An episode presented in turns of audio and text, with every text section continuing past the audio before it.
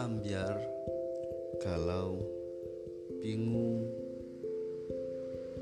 akan memunculkan keluhan-keluhan. Ini atas dasar karena sering kali kita tidak dibekali dengan pengetahuan-pengetahuan terhadap gerak-gerik hati karena kita uh, kurang begitu paham terhadap apa yang Allah kehendaki. Sehingga apa pun yang terjadi kepada kita sering kali kita tidak tahu apa ada apa Allah memberikan kita seperti yang kita rasakan saat ini